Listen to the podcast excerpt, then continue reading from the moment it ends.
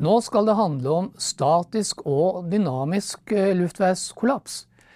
Vi begynner med den statiske luftveiskollapsen, som rett og slett skyldes en kollaps som følge av at eh, de nederst liggende luftveiene når en minste kritisk størrelse. Og det inntreffer da ved dette lungevolumet som kalles closing capacity. Og noe særlig mer enn det er det ikke nødvendig å si om statisk luftveiskollaps. Skal vi heller ta for oss og bruke litt mer tid på den dynamiske luftveiskollapsen som inntreffer under en ekspirasjon. Under en vanlig ekspirasjon så genereres bare et lite overtrykk i alvolene. Og intrapleuraltrykket er fortsatt negativt, og, også, og det gjelder også trykket i det lungevevet som omgir luftveiene. Det er også negativt. slik at da, da holdes alle luftveier utspilte, og, og, og eksplorasjonen kan skje uhindret. Eh, hvis et eh, vanlig friskt menneske skal prøve å, å, å si, sette verdensrekord og puste raskt ut, så kan man applisere eller bruke et, et overtrykk, forsere eksplorasjonen. Og da er det ikke lenger et negativt trykk i intrapleuralt eller i thorax. Da, da, bruker man muskulatur for å lage et overtrykk som da forplanter seg også til eh, alvolene, hvor det er enda større overtrykk pga. at alvolene også bidrar med, med sin del av dette overtrykket. Men trykket er, da vil det være også like stort i, i thorax. Selvfølgelig vil luftveisstrøm da økes betraktelig, opptil flere hundre liter i minuttet. Men det er en begrensning i hvor raskt man eh, kan eh, få lufta ut.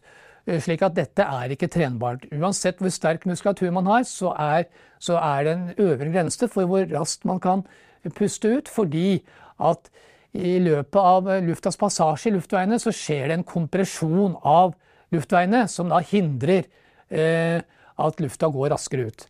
For dette overtrykket i omkringliggende vev vil altså på et eller annet tidspunkt, når trykket inne i luftveispassasjen har blitt redusert, klemme igjen disse luftveiene. Det er dynamisk luftveiskollaps ved en forsert ekspirasjon hos friske. Eh, vi har, eh, som vi husker fra anatomien, eh, brusk som holder de store luftveiene spilt ut åpne. Men de minste luftveiene, alvolegangene og bronkiolene, har ikke brusk. De holdes åpne av det i den iboende elastisiteten i lungevevet. Og det er de som ved sykelige tilstander først og fremst er gjenstand for en dynamisk luftveiskollaps. Eh, nå ser vi på normalsituasjonen. Eh, normal, uanstrengt ekspirasjon. Hva skjer hvis vi forserer ekspirasjonen? Jo, dette er altså på på alvornivå, alvorlig og alvorliggang og bronkiolnivå. Jo, det var Vi får da en, en, en økning i, i, i flow ut, men vi får på et tidspunkt en, også en avklemming av luftveiene ettersom det blir, det blir et, et, et lufttrykksfall på luftas passasje gjennom luftveiene.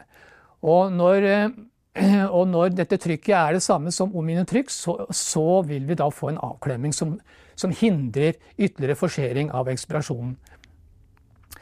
Eh, det som er verdt å merke seg, det er denne formelen. Ikke hele formelen, men dette er formelen for motstand mot laminær luftveisstrømning. Eh, nå er det ikke alltid laminær luftstrømning i lungene, men eh, det som er illustrativt, er eh, at det er et omvendt forhold mellom motstand og radien i, i, i luftveiene. Slik at hvis vi får en halvering av radien, vil faktisk motstanden mot luftveisstrømning 16-dobles. Dette er et veldig eh, viktig prinsipp å huske på ved sykelige tilstander.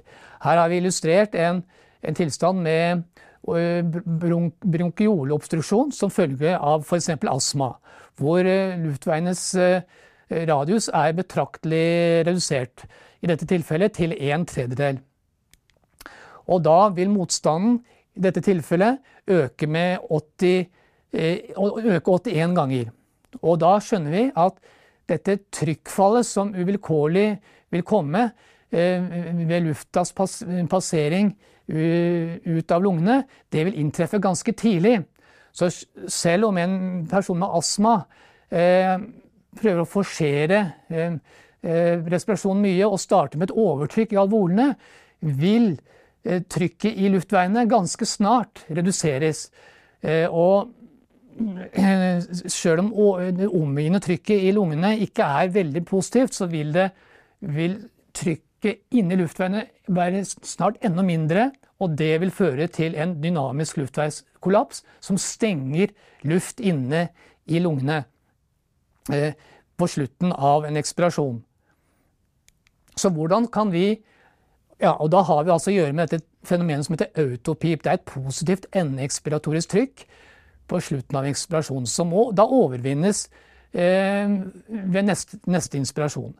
Spørsmålet er hva kan vi gjøre for å avhjelpe denne tendensen til dynamisk luftveiskollaps? Jo, vi kan applisere et mottrykk i form av et kontinuerlig positivt luftveistrykk, CPAP, som da bidrar til å utsette dette trykkfallet i luftveiene, og dermed holde de minste luftveiene åpne i lengre tid.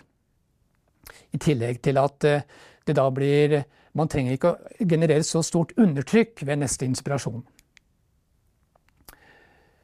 Eh, dette er også et prinsipp som eh, pasienter med emfysem benytter seg av i dagliglivet. De har så lite elastisitet i lungevevet pga.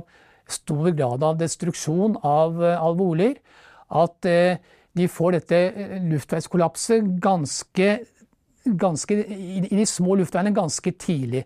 For å utsette dette lufttrykksfallet vil man gjerne se at de puster mot halvveis lukkede lepper, sånn som dette. De oppnår da at eh, luftveiskollapsen eh, flyttes lenger sentralt ut i eh, og, og, og, og kanskje eh, oppnår man at, eh, at eh, man opphever den dynamiske luftveiskollapsen ved vanlig pusting. Da skal vi summere. Eh, statisk luftveiskollaps skyldes rett og slett at eh, når de nederst liggende luftveiene når et visst minste kritisk volum, vil overflatespenningen gjøre at de klapper sammen. Dynamisk luftveiskollaps er relatert til at luft går ut av luftveiene i ekspirasjonen. Og ved astma og emfysem er det økt tendens til kollaps i de små luftveiene som ikke er avstivet av brusk. Og Resultatet av denne dynamiske luftveiskollapsen er at luft stenges inne i alvolene under ekspirasjonen.